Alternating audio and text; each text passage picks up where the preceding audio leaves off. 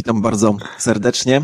To jest e, kolejny odcinek bez celibatu. Mieliśmy małą przerwę, ale tylko dowód, że nadajemy na żywo. 55 odcinek. Przy Tak mikrofonie Robert Miksa. a ja jestem Sławek Zawadzki i dzisiaj będziemy rozmawiać o maturach i o edu edukacji, bo tak się składa, że właśnie teraz jak nagrywamy ten odcinek, to maturzyści przeżywają swój stres. Robert, pamiętasz swoją maturę? No, dwa razy. Właśnie zdrać to, no bo to pisałeś maturę w czasach, kiedy za trzy błędy ortograficzne się oblewało. Tak, dokładnie trafiłem na ten moment, kiedy ja zrobiłem. Ja zresztą mam jakieś tam elementy dysleksji i dysgrafii. e, Błędy ortograficzne ciągle jeszcze mi się zdarzają, chociaż pamiętam, był taki okres, kiedy uświadomiłem sobie, że jakaś tam część błędów ortograficznych, które popełniam, wynika z mojego lenistwa. I pomyślałem, że nie, no to skoro to jest lenistwo, to, to już jest w kategoriach grzechu, nie? To jako pastor to nie powinno tak być, nie? I pomyślałem sobie, dobra, to jeszcze były czasy, kiedy nie było komputerów i zacząłem używać aktywnie słownika ortograficznego, no więc naprawdę dużo poprawa wtedy nastąpiła. A rzeczywiście, jak zdawałem maturę, to na języku polskim zrobiłem cztery orty i to Okej. był koniec i nie było możliwości poprawki. Więc poszedłem do pracy, co bardzo sobie cenię. Pracowałem w zakładzie elektromechanicznym, jako jestem elektromechanikiem z wykształcenia tego zawodowego. E, No i później, rok później zdałem maturę i bardzo to było fajne doświadczenie, muszę powiedzieć.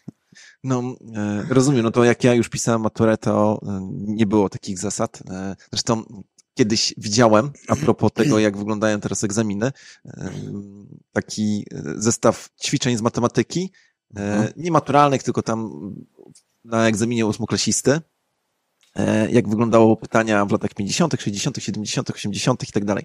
No i w latach 50. y, było zadanie, że drwal idzie do lasu, średnie drzewo ma taką i taką średnicę, wycinamy tyle i tyle drzew, jaka będzie objętość zebranego materiału. Tak, Tak. tak że trzeba było liczyć. I przez lata to jakby było uproszczone i ostatnie, w ostatnich czasach było po prostu zadanie pokoloruj drwala. Czy tak jest, to, to nie wiem, ale wydaje mi się, że się upraszcza. Nie, E, chyba aż tak źle. tak, nie? aż tak nie, aż tak nie. Mm, e, Zresztą dzisiaj trochę inne mamy podejście do, do, do wiedzy. Nie, nie mówię, że gorsze, ale po prostu inne. Bo kiedyś to było tak, że jak szło się na, jakby edukacja dbała o to, żebyśmy mieli głowę pełną wiedzy. A dzisiaj uczy się nas, ja osobiście myślę, że to jest okej, żeby szybko przetwarzać informacje i umieć e, Tak. e, wyciągać na podstawie tego wnioski, no. no bo wiedza po prostu się starzeje. E, zwłaszcza jeżeli chodzi o nowe technologie.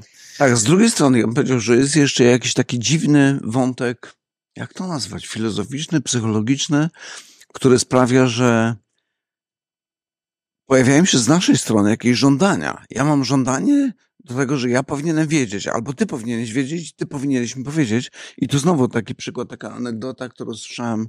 Ktoś mówi, jak to jest? My podobno jesteśmy społeczeństwem coraz bardziej oświeconym. Mówi, a 50 lat temu, jak czytałem instrukcję samochodu, to to była instrukcja tego, jak, jak samodzielnie ustawić zapłon w samochodzie. A teraz w instrukcji jest napisane, nie pij kwasu, który jest w akumulatorze. No to myślę, że coś tu jest nie tak. Chyba, nie? No, e, zgadza się, chociaż jest e, takie prawo, e, nie pamiętam teraz nazwiska człowieka, który je, e, czy, czy twierdzenie, e, ale był taki psycholog, który mierzył e, w co dekadę średnie IQ Aha. i rzekomo jako cywilizacja nasze IQ idzie do góry cały czas. E, Myślę, że coś w tym jest. Tylko jedna ważna rzecz, że IQ niekoniecznie e, jest związane z naszą mądrością i z, Właśnie. Wiesz co, jest, pamiętam, że rozmawiałem kiedyś z takim profesorem e, zajmującym się edukacją, specjalizującym się w edukacji ze Stanów Zjednoczonych, akurat z Kalifornii. I on mówi coś takiego, rozmawialiśmy dokładnie na temat testów na inteligencję. I on mówi do mnie tak, wiesz o czym świadczy wyniki testów na inteligencję? O tym, w jakim stopniu mm, przyswoiłeś sobie umiejętność rozwiązywania testów na inteligencję. No tak, w sensie inteligencji nie da się zmierzyć w taki doskonały, skwantyfikowany sposób, jakbyśmy chcieli. Co więcej, Mhm. dzisiaj odróżniamy cztery rodzaje inteligencji. I to jest no, ciekawe. jak nie więcej. No, no dokładnie. Inteligencję tą taką klasyczną, matematyczną, czyli tą, którą mierzymy właśnie poprzez ten wskaźnik IQ. Mhm. Druga to jest emocjonalna, trzecia to jest sportowa, czwarta duchowa. Jeszcze o inteligencji społecznej się mówi? No tak, No. tak, tak. E, Czy motoryczna, nie? Ta sportowa. właśnie kiedy mówimy o e, inteligencji duchowej, no to tak po prostu wymieniają to specjaliści e, psycholodzy. No. My trochę inaczej podchodzimy do inteligencji duchowej, my osoby wierzące niż osoby em, innej substancji. No dobra. E, czy matura, e, czy w ogóle egzamin maturalny e, znajduje jakiekolwiek uzasadnienie w Biblii? No tak, apostoł Paweł pisze do Tymoteusza, zanim zostanie pastorem, musisz najpierw zrobić maturę. No właśnie, właśnie. To No. oczywiście był żart, nie ma takiego Tak, tekstu. Nie, nie ma, oczywiście. E, Zmierzam do tego, że e, w Polsce, jeżeli ktoś chce być pastorem baptystów, no to Mhm. musi zdać egzamin kościelny. Żeby zdać egzamin kościelny, trzeba mieć ukończone studia, przynajmniej na poziomie licencjackim, to logiczne. A żeby no, pójść na takie studia, trzeba mieć maturę. No i Tak. właśnie, Mhm. kiedy czytamy Nowy Testament i są e, wskazówki co do tego, jak, jaki powinien być starszy, czy biskup, no to nigdzie nie ma informacji o tym, że biskup to jest ktoś, kto powinien mieć wyższe wykształcenie albo maturalne. A jednak my w Polsce stosujemy e, ten zabieg, czy ten wymóg. Tak, no, no myślę, że jesteśmy jakby pod wpływem też tej kultury, która stara się mierzyć wszystko, co tylko się da. Stąd na przykład w eduka- w edukacji mamy takie pojęcie jak edukacyjna wartość dodana, czyli mierzy się e, wiem, poziom wiedzy ucznia na początku szkoły i na końcu szkoły. To w przypadku gimnazjów to było dość e, sprawnie to działało, bo to były tylko taki okres trzyletni. Teraz jest trochę trudniej. No i to sprawia, że staramy się no, zrobić jak, jakiś porządek w- tej wiedzy, żeby nie było tak, że ludzie, którzy mają bardzo nieuporządkowaną wiedzę i bardzo nieuporządkowany sposób myślenia, idą na studia, no i po prostu sobie nie radzą. I w, w trakcie zajęć jest więcej kłopotów z takimi studentami niż pożytku, ponieważ oni opóźniają lekcje, trzeba im tłumaczyć rzeczy, które są, które powinny być oczywiste. No i zakładamy, że te rzeczy oczywiste są dla człowieka, który już maturę na przykład zdał, nie? Więc to jest jakieś takie uproszczone podejście. Um, ale zwróć uwagę, że e, w Nowym Testamencie, w tym okresie pierwszego kościoła, mamy e, taki element jak listy polecające. Mhm. I na przykład, żeby e, zanim apostoł Paweł wziął Tymoteusza, takiego młodego człowieka, który stał się jego współpracownikiem, najpierw otrzymał jakby zapewnienie od starszych osób, które były w tej gminie, w tej społeczności e, kościoła, zapew- zapewniały go tak, że to jest człowiek godny zaufania, któremu warto powierzyć jakieś tam zadania i uczyć go dalej, nie? Więc nie było matury formalnej, tak jak my to dzisiaj rozumiemy, ale jakieś zapewnienie, e, jakiś certyfikat tylko w postaci ustnej pojawiał się. Nie? No tak. E, ja, powiedzmy, rozumiem ten, e, ten nasz lokalny wymóg, żeby być e, wykształconym, ale zobacz, że e, jeżeli chodzi o historię matur w Polsce, mamy do czynienia z pewną sinusoidą. Jest- Chodzi o przedmioty ścisłe, matematykę. Aha.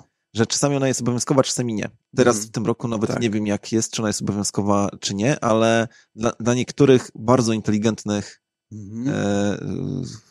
Humanistów, jeżeli tak mogę powiedzieć, e, zdanie egzaminu maturalnego z matematyki było po prostu sprawą nie do przejścia. I teraz wie- wiemy o tym, że jak ktoś chce, no to ostatecznie zda e, ten egzamin, choćby na, na, na dwui, ale przejdzie. E, Ale znowuż jest to element wykluczający w polskiej rzeczywistości kogoś, kto e, chce być pastorem, ma pełne kwalifikacje, no bo pastor nie musi być wybitnym matematykiem. Zgadza się? Czy gdzieś No tam- ale żeby zdać maturę, nie trzeba być wybitnym matematykiem. To są podstawowe rzeczy, które trzeba No, umieć teraz. policzyć i rozumieć. je, Teraz pamiętam, jak w moich czasach się pisało maturę z matematyki i tam był chyba taki moment, że ona była właśnie obowiązkowa, to trzeba było zrobić e, dwa zadania maturalne albo półtorej e, na pięć. Żeby mieć No, szóstkę, to trzeba było trzy. No dobra. Zw- Zwracam uwagę na to, że jest Ja akurat jestem fanem matematyki, więc uważam, że Tak. powinna być. To są jakby podstawy logiki, tylko że w języku matematycznym. Nie? No, pięknie to, to, to. E, No dobra. kiedyś rozmawialiśmy o e, przymusie edukacji, który jest, no, jak gdyby wszędzie na świecie, prawie wszędzie na Mhm. świecie. Czy ty uważasz, że to e, ma również biblijne korzenie? Kiedy Czy pytam o przymus edukacji, to, e, to mam na myśli dwie rzeczy. Po pierwsze to, że e, wymóg, że każdy musi się uczyć, Mhm. bez względu na to, czy e, jego rodzice tego chcą, czy nie chcą, to jest, czy, czy, czy to jest właściwe. I druga rzecz, czy kto ustala program nauczania. Mhm. No, to jakby kilka odrębnych wątków Tak. tu jest, nie? Znaczy tak, z jednej strony myślę, że założenie początkowe było trochę inne niż to, co mnie motywuje do tego, że edukacja jest obowiązkowa. To znaczy myślę, że założenie początki, kiedy, kiedy edukacja stawała się obowiązkowa, no wynikało z tego, że większość ludzi uważała, że w ogóle jest nieważna, nieistotna. Ale w epoce oświecenia, no to przecież wszyscy powinni być wykształceni, wszyscy muszą się uczyć i tak dalej, i tak dalej.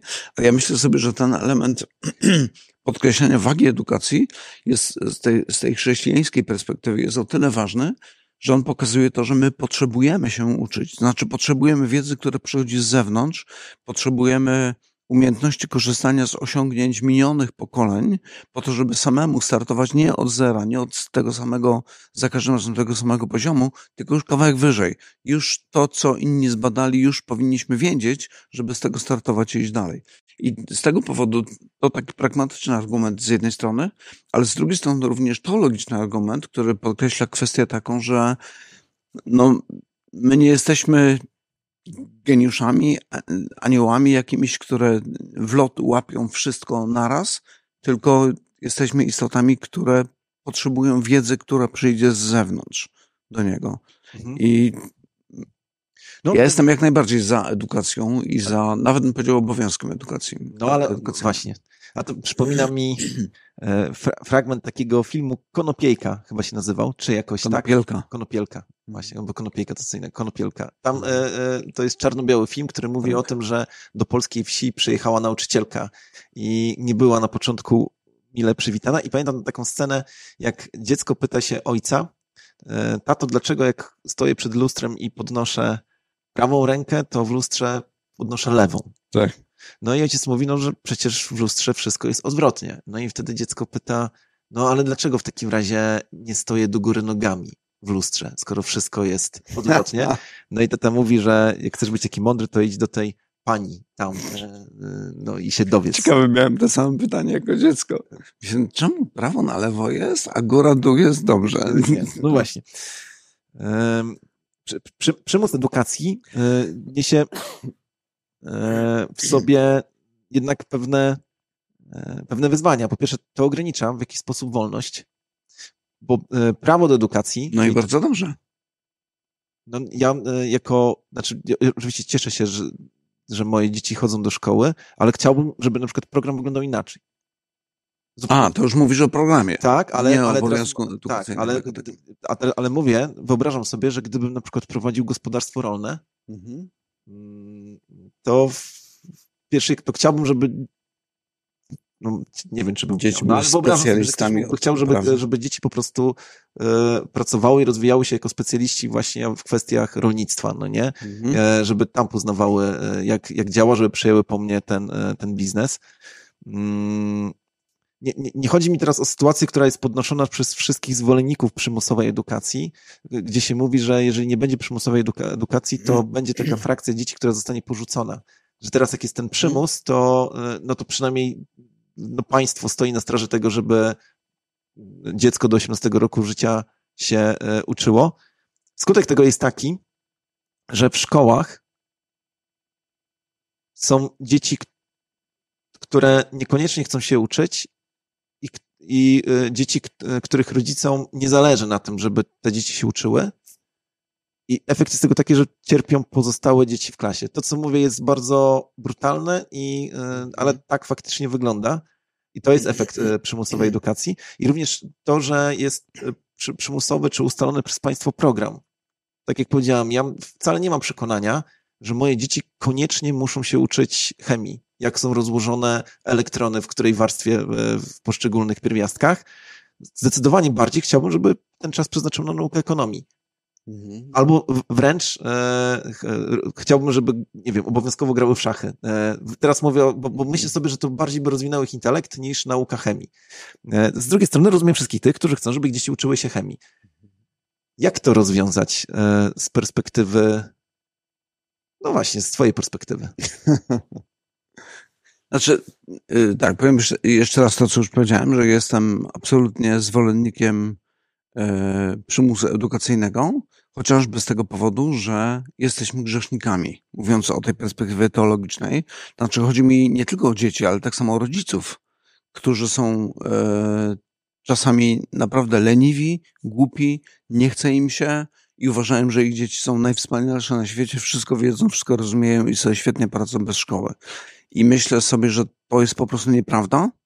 E, I, i dzieci potrzebują, potrzebują nauki. Z drugiej strony, ciekawą rzeczą jest to, na co zwróciłeś uwagę, że mówisz, że wolałbyś, żeby twoje u- dzieci uczyły się zamiast jakiegoś tam przedmiotu, którego może niekoniecznie widzisz potrzebę, to żeby uczyły się gry w szachy, ponieważ ono generalnie rozwija zdolność analizy sytuacji, podejmowania decyzji itd., tak itd. Tak I to pokazuje, że edukacja to nie jest tylko uczenie się konkretnych elementów, które nigdy mi się nie przydadzą. Na przykład jakieś tam bardzo szczegółowe kwestie związane z biologią. Pamiętam, dowcipie się później opowiadała na temat tego, ile to już lat po tym i jeszcze nigdy mi się ta wiedza nie przydała.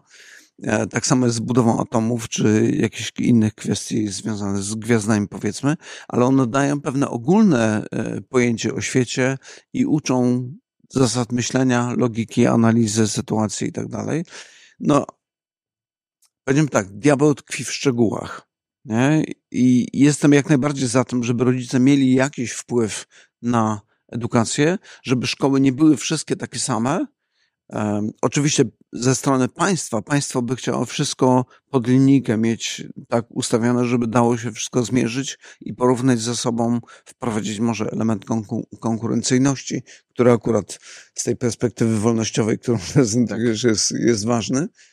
E, ale Jestem jak najbardziej za, za wolnością. Znaczy, rodzice powinni mieć możliwość wyboru posłania dziecka do tej szkoły, a nie do tamtej, ponieważ ta idzie w takim kierunku, ta idzie w innym kierunku. Ale zobacz, że tego rodzaju rzeczy są robione. Masz profilowane licea, e, bardziej profil matematyczno-fizyczny, bardziej biologiczny, więc coś w tej no, kwestii się dzieje. dzieje. Zwracam tylko uwagę na to, że e, przymus edukacyjny e, oznacza nie tylko to, że dziecko musi się uczyć, ale musi się uczyć określonych treści. Mhm. E, no bo nie da się w, no ale to zobacz, w zakresie szkoły podstawowej, w zakresie szkoły średniej już się to zmienia. Idziesz do technikum, idziesz do liceum, do liceum profilowanego w tą stronę, w tą, Czyli, tamtą stronę. Tak, zgadza się, że państwo w, w ramach kompetencji, które dzierży w swojej ręce, daje nam pewne opcje. Mhm. Daje nam pewne opcje, natomiast gdybyśmy chcieli wyjść poza te opcje, to nie możemy wyjść. Zobacz, dzisiaj w no, technikach tak. obowiązkowa jest biologia. Ja w czasach, kiedy ja chodziłem do technikum, też jestem po technikum, ty jesteś po liceum technicznym, tak? Liceum, tak, technicznym. No ja jestem po technikum, to nie było tam biologii ja się strasznie z tego cieszyłem. Nie dlatego, że nie lubiłem biologii, bo to fajnie jest pouczyć się, ile tam nóg ma pająk. Nie, nie, nie lekceważę tej wiedzy dla jasności, e, ale o wiele bardziej chciałem się skupić na przedmiotach technicznych i uważam, że to było po prostu super. Mhm. Dzisiaj, z tego co mi wiadomo, to, to już chyba dwa albo trzy lata po mnie, wprowadzono znowu obowiązkową biologię e, w szkole technicznej. E, tak. No i, no i po co? Jaki, o, o, o co chodzi? Jak, ja w tym palce nie maczałem, nie? No wiem, właśnie ale wiesz, zobacz, bo mm, gdyby była taka możliwość, że naprawdę jest swoboda w zakładaniu nowych szkół, jest jakiś profil e, jeden, drugi, trzeci, a ktoś wymyśli, słuchajcie, jeszcze powinien być inny, czwarty profil, na przykład, nie wiem, ekonomia, albo astrofizyka, albo jeszcze jakieś tam inne. E, I też powinno być prawo do tego, że obywatele mogą zakładać tego rodzaju szkoły, E, sprofilowane w taki sposób, chociaż jest jeszcze takie pojęcie jak podstawa programowa, więc to jest tak, że pewne elementy muszą być w tych e, średnich szkołach również. No właśnie, też o podstawę programową chodzi, no nie, że e, z jednej strony ci, którzy, ci rodzice, którzy prowadzą edukację domową, twierdzą, że podstawa programowa jest bardzo ograniczona i mała, że można ją mm. tam w trzy miesiące zrobić w domu samodzielnie, mm -hmm. a z drugiej strony no właśnie uczymy się takich rzeczy, które niekoniecznie uważam, że są potrzebne. Czy dzisiaj, zmieniam uwagę temat, czy gdyby Pan Jezus dzisiaj przyszedł na świat, a nie dwa tysiące lat temu, czy chodziłby do szkoły? Szczerze mówiąc, ja myślę, że on chodził, bo taki był zwyczaj. Dzieci e, obchodziły tak zwany bar mitzvah. E, to był ten okres, kiedy dziecko stawało się mężczyzną, czyli od 13 roku życia, znaczy od 12 właściwie. E, I wtedy no, było uczone czytania, było uczone rozumienia tekstów, e, analizy tych, tych tekstów, więc te podstawy gdzieś tam były. I nawet mamy, mamy taką sytuację, kiedy Jezus w świątyni pojawia się w Ewangelii Łukasza, to jest zapisane, kiedy dyskutuje z uczonymi w piśmie. E, I myślę, że on już był uczestnikiem jakichś tam zajęć prowadzonych w synagodze, e, czy to w Nazarecie, czy w Kafarnaum, nie wiem gdzie on chodził do tej szkoły, a może był uczony przez, e, przez ojca w domu. Tego nie wiemy, ale. Tak, tego nie wiemy, oczywiście. Ale wiemy, że Jezus był cieślą. Zgadza się? Tak, był cieślą. To znaczy, że ojciec go uczył zawodu. Tak. No tak, to było, nawet było wśród Żydów takie powiedzenie, że jeżeli ojciec nie nauczy swojego syna zawodu, to uczyni go złodziejem. I on jest odpowiedzialny za to, nie? I to mi się podoba. To, to, był, to był obowiązek, ale oprócz tego, i to jest coś, co jest chyba, nie wiem, czy jest porównywalne z jakąkolwiek inną kulturą w tamtym czasie, że oni oprócz tego, że mieli to przygotowanie zawodowe, to mieli kontakt z literaturą. Oni musieli nauczyć się czytać i żeby znać ten, no nie chcę użyć słowa egzamin, no, ale tam jakaś forma e, była, no to dziecko musiało publicznie wziąć do ręki e, ten, tak, z, czy zwój był mu podawany. On, tam była, jest taka rączka jad, ona się chyba nazywa i tą rączką e, pomagasz sobie, wskazujesz na słowa, które, e, które czytasz i trzeba było publicznie przeczytać ten tekst, nie? Nie wiem, czy były jakieś dodatkowe pytania jeszcze związane z tym, co on przeczytał. Pewnie były jakieś pytania związane, trzeba było na przykład z pamięci umieć powiedzieć to Szema Izrael, albo jeszcze jakieś inne zadania, ale jakaś edukacja była prowadzona. I to było coś, co ewidentnie wyróżnia e, społeczność żydowską. Ja pamiętam jeszcze, jak byłem na studiach, jeden z moich profesorów wychował się w takim środowisku, no jeszcze szczególnie przedwojennym, kiedy było dużo Żydów, no to on mówi, że w, wśród jego kolegów znajomych, to mówi, że u nich w domu, w tych żydowskich domach, to mówi, że ciągle rodzice grali w jakieś e, logiczne zagadki. Zadawali pytania, czy to matematyczne, czy logiczne, czy jakieś inne zagadki, które trzeba było rozwiązywać. I później efekt tak był taki, że te dzieci były wyćwiczone w e, myśleniu, rozwiązywaniu zagadek. No i potem się okazywało, że były najlepsze w handlu, najlepsze tak. w prawie, najlepsze w ekonomii. Oczywiście, bo ja uważam, że jeżeli e, to, to rodzice biorą na siebie odpowiedzialność za edukację, a nie państwo, mhm. to, to właśnie wychodzimy na tym zdecydowanie lepiej. Wtedy, kiedy rodzice rzeczywiście to robią. Bo tak. mamy też takich rodziców, którzy mają to w głębokim poważaniu e, i niestety dzieci tracą na tym. No tak, ale teraz jeszcze raz zaznaczam, to co teraz mówię w tej chwili jest bardzo bolesne i brutalne. W, w szkołach publicznych klasach e, są dzieci, które po prostu rozbrajają lekcje, przeszkadzają nauczycielom, dlatego że jest przymus edukacji. I te dzieci, które chcą się uczyć, często nie mogą się uczyć, bo no, jest ktoś, kto psuje zajęcia. E, to, to jest też efekt przymusu szkolnego. Ale to chyba nie jest takie powszechne zjawisko. Napiszcie w komentarzu, co myślicie no. na ten temat. E, w ogóle piszcie Jak komentarze. Nauczyciele proszę. skomentują tą naszą audycję. Właśnie. Dopiero. E, to pogadamy jeszcze e, na koniec o nauczycielach. E, kiedyś zawód nauczyciela wiązał się z bardzo dużą estymą. Nauczyciel był obdarzony szacunkiem i jak miało się nauczyciela w rodzinie, to tak jak jakby mieć księdza. Czyli było bardzo, bardzo dobrze. Zależy od epoki. No tak, oczywiście mówię. Był taki okres, kiedy jak miałeś księdza w rodzie, to ci bieda nie dobądzie, jak tam Prus chyba pisał. E, i, I to na tym się kończyło. Natomiast e, sam pamiętam taką starszą panią, która była nauczycielką jeszcze w Warszawie, jak mieszkaliśmy. To pamiętam, że w którymś, któregoś razu jechaliśmy w windzie e, i ona dowiedziała się, że ja jestem w szkole przygotowując się do pracy pastora. Ja mówię, a protestancy pastorzy zawsze byli świetnie wykształceni.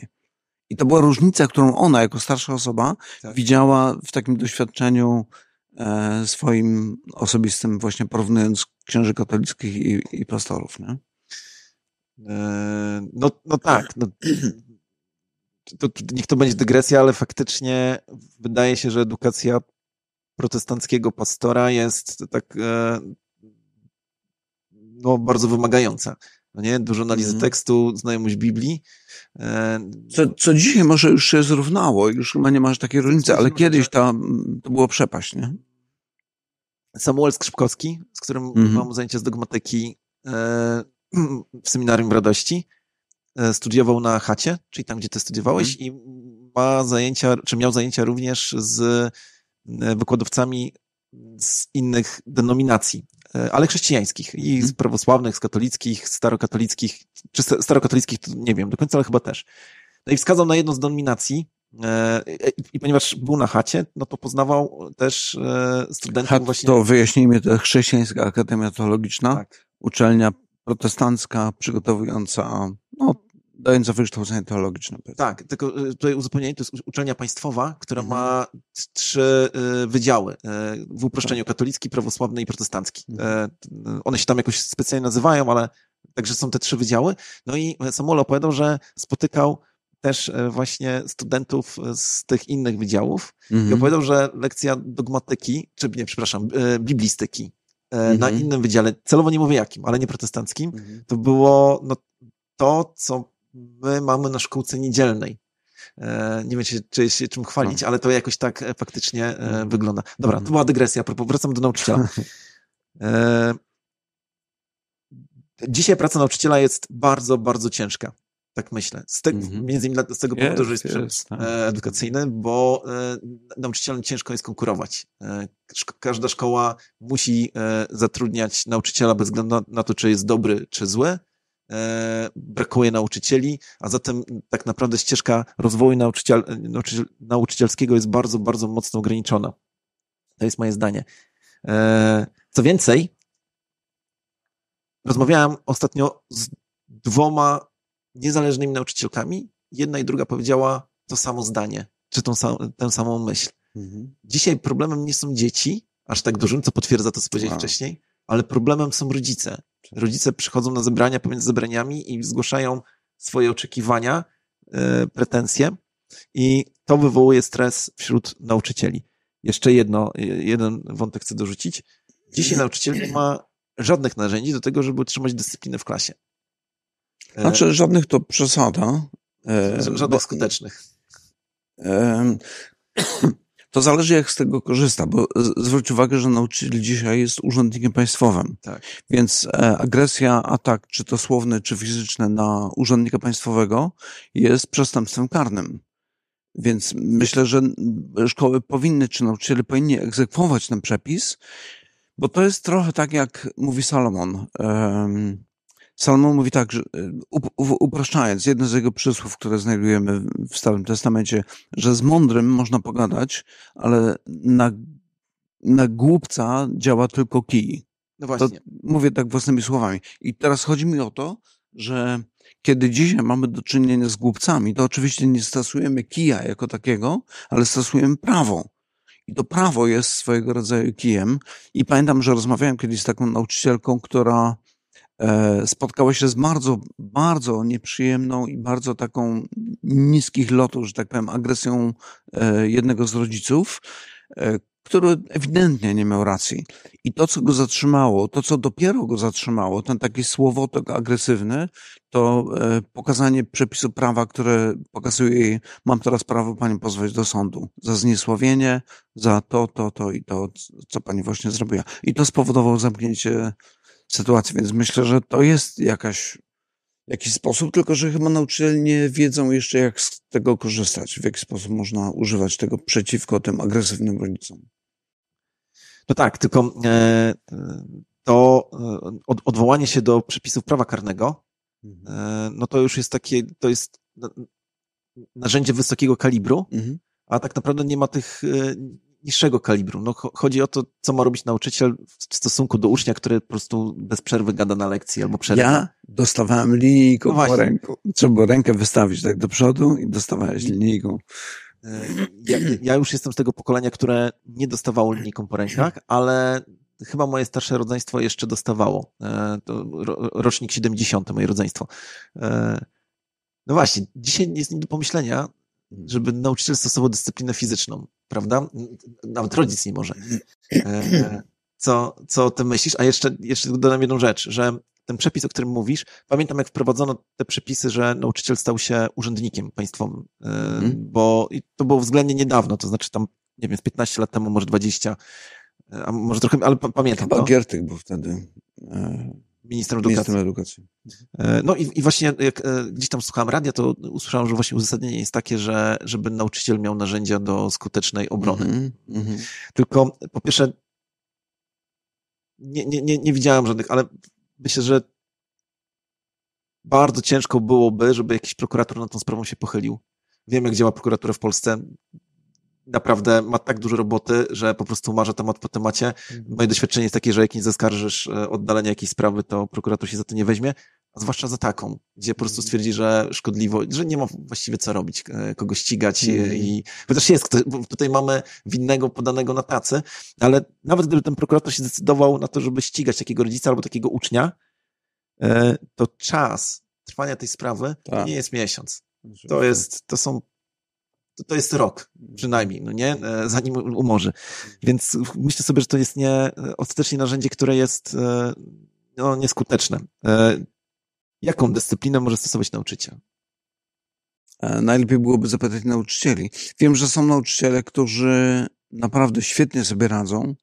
E, Osoba, którą ob- obydwoj, obydwaj dobrze znamy, e, nauczycielka akurat w szkole podstawowej, e, mam wrażenie, że świetnie sobie radzi zarówno z rodzicami, jak i, jak i z dziećmi, chociaż niektórzy rodzice naprawdę bywają agresywni i chyba taka uczciwa prezentacja tego, co, na jakich zasadach i dlaczego zamierzam prezentować i egzekwować w swojej klasie wobec rodziców na wywiadówce, jest czymś, co myślę, że bardzo pomaga. I rodzice wtedy starają się wspierać takiego nauczyciela. Oczywiście zawsze pojawi się ktoś, kto jakby e, odbiega od średniej, powiedzmy, wśród rodziców i, wtedy są problemy. Zresztą z tego powodu ta, ta nasza znajoma miała takie problemy. Ale generalnie większość rodziców, kiedy rozumie, o co chodzi nauczycielowi i dlaczego i jak on zamierza to egzekwować, to myślę, że zaczynają współpracować. To dużo zależy od tego, w jaki sposób nauczyciel dogaduje się z rodzicami. Ja akurat mam dobre doświadczenia z mm, nauczycielami, którzy byli nauczycielami moich dzieci, więc mieliśmy no, ba, bar, bardzo fajne albo fajne relacje i jakby nie było problemu z tym, ale słyszę naprawdę różne historie. Ale to musimy nauczyciela zapytać. Może trzeba zaprosić kiedyś. Bardzo chętnie. Na, na koniec e, przypomniałem sobie, jak to było u mnie w technikum, gdzie w klasie było 30 mężczyzn. E, wiadomo, że to jest e, dość, dość ciężka grupa społeczna do utrzymania w rezach. I co Tak. ciekawe, nauczycielki radziły sobie zdecydowanie lepiej z utrzymaniem dyscypliny w klasie niż nauczyciele, e, którzy O. uczyli przedmiotów zawodowych. E, to jest, to było dla mnie bardzo Ale odkrywcze. to z- zależy chyba od nauczyciela. Ja pamiętam, że u mnie w szkole, w liceum zawodowym, w którym ja byłem, to tam nauczyciele, faceci zde- zdecydowanie lepiej sobie radzili. No to u nas było tak, e, nawet pamiętam, że mieliśmy taką panią od elektrotechniki, e, nikt jej nie podskoczył. Przepraszam, tak, ale, on, ale tylko strategia była zawsze prosta. I zauważyłem, że właśnie na, nauczycielki stosują, może nauczyły się, że skoro są Że w szkole, że, że tak trzeba robić, były bardzo surowe na pierwszych zajęciach. Aha. Nie, nie, nie, nie że na, No na tak, tak, tak, tak. naprawdę były, były ten, i to Tak. pamiętam, e, mie- mieliśmy taką nauczycielkę od historii, mm, e, młodą, e, przyszła do nas w drugiej klasie, wtedy technika, tak jak dzisiaj, była przerwa, ale te- wtedy moje technikum było pięcioletnie i w drugiej klasie, e, jak zaczęły, zaczęła zajęcia, była tak surowa, że w piątej klasie, kiedy wyraźnie widziałam, że tematy II wojny światowej e, ją nie interesowały, jakoś tak było najciekawszy temat e, Mhm. i że głównie mieliśmy pracę z podręcznikiem, czyli Aha. po prostu nikt i tak nie podskoczył. Ale wiesz co, to, to jeszcze jeden element związany właśnie z dyscypliną w klasie. Któregoś razu To było, ojejku, chyba ze 40 lat temu może. Może nie aż tyle. Nie, to było troszkę wcześniej, może 30 lat temu. Spotkaliśmy się e, z moją żoną, z taką dziewczyną z Korei. E, południowej oczywiście. I rozmawialiśmy na temat e, edukacji, wielkości klasy i ona była taka zaskoczona, że u nas klasy są takie malutkie. 30-35 osób. Mówi, to takie maleństwa. Mówię, ale to co, to u was to ile jest osób? Mówię, no w klasie zwykle koło setki jest. I pytam, ale nie ma problemu z dyscypliną? Żadnego. I myślę, jak, jak e, sobie, znaczy moja konkluzja była taka, jak ważna jest rola rodziców w uczeniu szacunku do osób starszych od siebie. I myślę, że ten element szacunku, niewyniesiony z domu, powoduje całe mnóstwo problemów później w szkole. Tak jest, Robert, musimy kończyć. Za 6 minut mam spotkanie, ale to był dobry Dobra. odcinek. E, mamy jeden apel proszę subskrybujcie e, kanał, dajcie łapkę w górę i piszcie komentarze koniecznie. Jakikolwiek, choćby taktyczny. E, komentarz taktyczny to po prostu piszemy komentarz taktyczny i tyle, bo tak. to sprawia, że rosną, rosną zasięgi. Pro, proszę ocencie ten odcinek w skali od 1 do 6, to też jest dla nas bardzo ważne, a my, mam nadzieję, widzimy się w kolejnym odcinku za tydzień. Staramy się tutaj tak utrzymać dyscyplinę i nagrywać regularnie. Odcinki. Poprawimy się. Dziękuję Robert, wszystkiego dobrego. Dzięki, do zobaczenia.